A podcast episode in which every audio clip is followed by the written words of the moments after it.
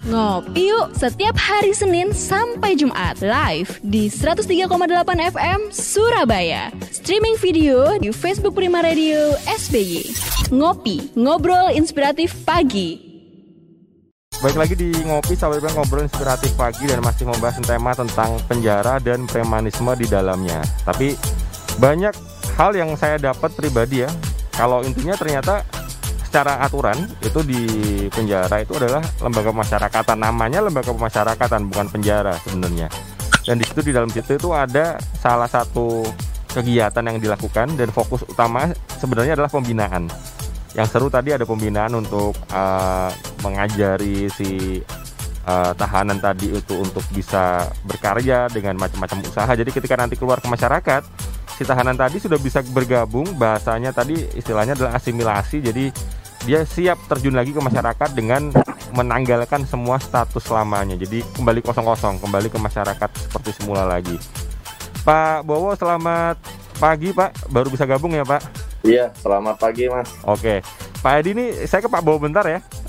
Oke, oke, oke. Jadi Pak Edi tadi udah cerita ini Pak Bowo, cerita tentang sebenarnya di konsep penjara itu seperti apa. Jadi konsep penjara itu sebenarnya pembinaan di sana ada uh, apa namanya orang diajarkan untuk usaha, mungkin ada kalau kerajinan tangan dan sebagainya diajarkan di sana. Nah, dari Pak Bowo nih mungkin sebenarnya konsep penjara yang uh, Pak Bowo uh, tahu secara aturan dan masyarakat mungkin masih belum tahu ya. Tahunya masyarakat kan penjara tempatnya orang dihukum, orang mungkin bahkan berpikir di penjara disiksa, mungkin berpikir seperti itu. Nah, sebenarnya di lapas kita itu konsepnya seperti apa nih Pak Bowo? Silakan diceritakan, Pak.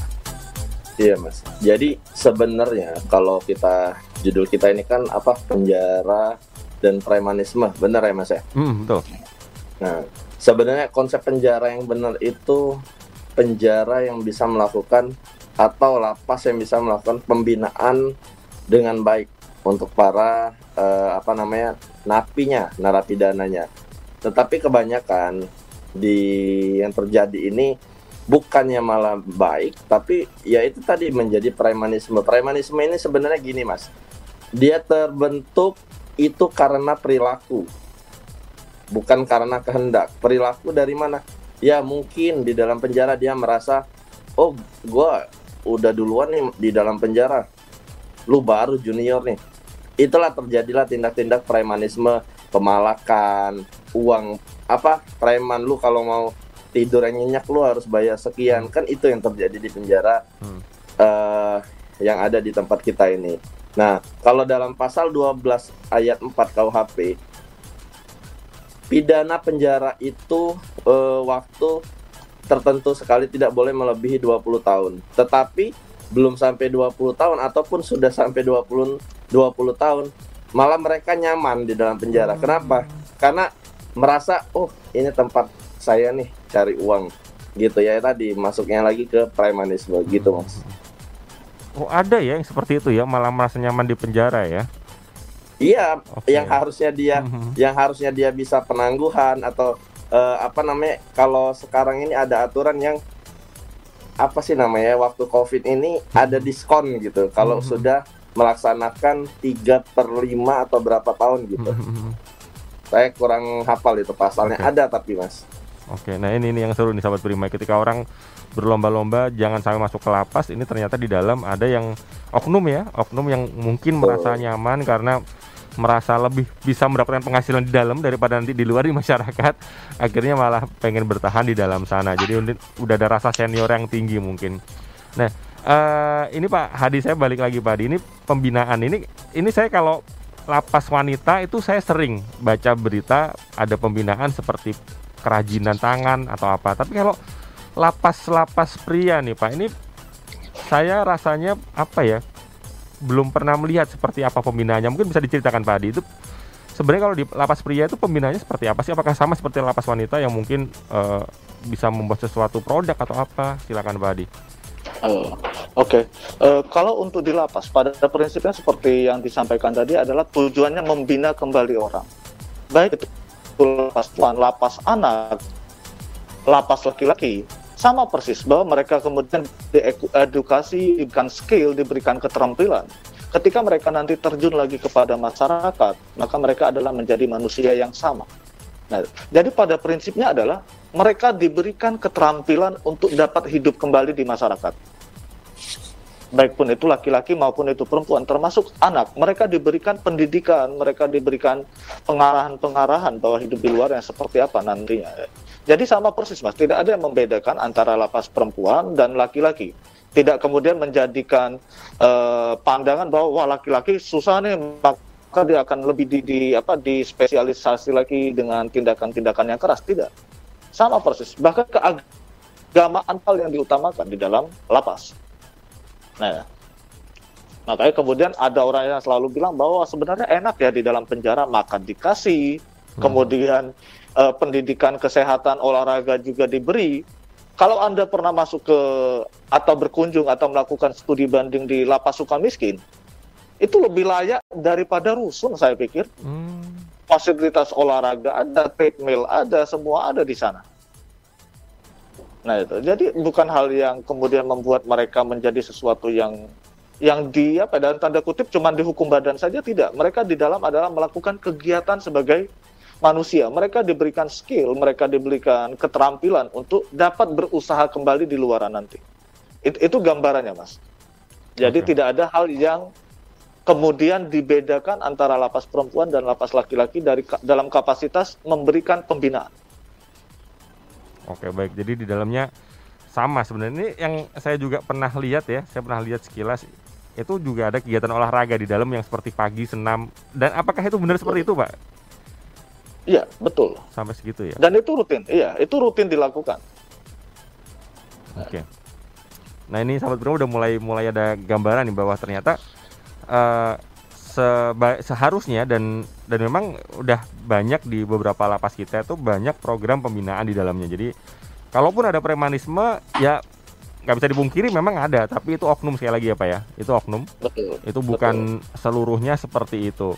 Nah uh, kalau mungkin sahabat prima melihat kadang kalau ada orang keluar dari lapas pemberitaan dia malah ada yang menjadi lebih religius, malah sebaliknya mungkin ya. di waktu masuk dulu bahkan sangat tidak religius tapi bahkan tidak kenal siapa Tuhan katakanlah. Banyak beberapa yang keluar bahkan lebih religius mungkin itu hasil dari pembinaan di dalamnya hasilnya seperti itu. Oke pak. Iya. ini kalau misalnya ini saya yang tertarik adalah uh, di dalam penjara itu uh, ternyata banyak program-program pembinaan dan uh, melawan premanisme sebenarnya. Nah misal misal ada yang uh, ketahuan melakukan premanisme seperti pemalakan dan sebagainya. Itu bisa nggak sih pak orang-orang seperti itu dihukum lagi? Kan udah di, kan udah dihukum sebenarnya dia. Kan udah ditetapkan dihukum kan? Diproses lagi yeah. dihukum lagi tambah lagi itu bisa nggak nggak sih pak sebenarnya? Biar ada efek jerah gitu maksud saya. Oke nah kita ambil contoh salah satu uh, oknum public public uh, public figur. figure yang di Mabes kemarin hmm. ya kan?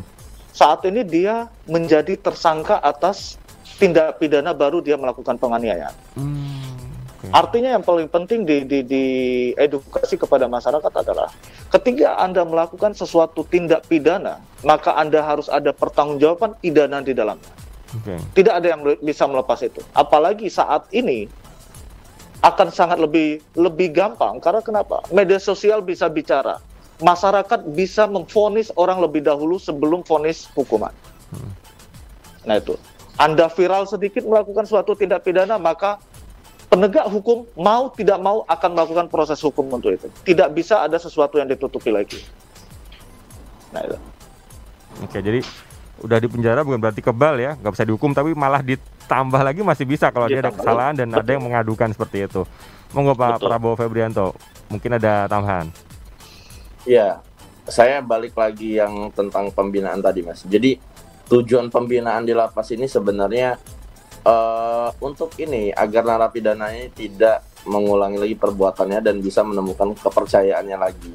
Itulah kalau di lapas itu ada yang misalkan ibu-ibu yang sukanya menjahit, itu pasti dibina. Entah dia disuruh, disuruh buat kerajinan apa dan lain-lain gitu. Misalkan yang laki-laki uh, di lapas itu ada namanya bidang yang misalkan dia suka musik diarahkan ke musik. Nanti dia main musik terus gitu.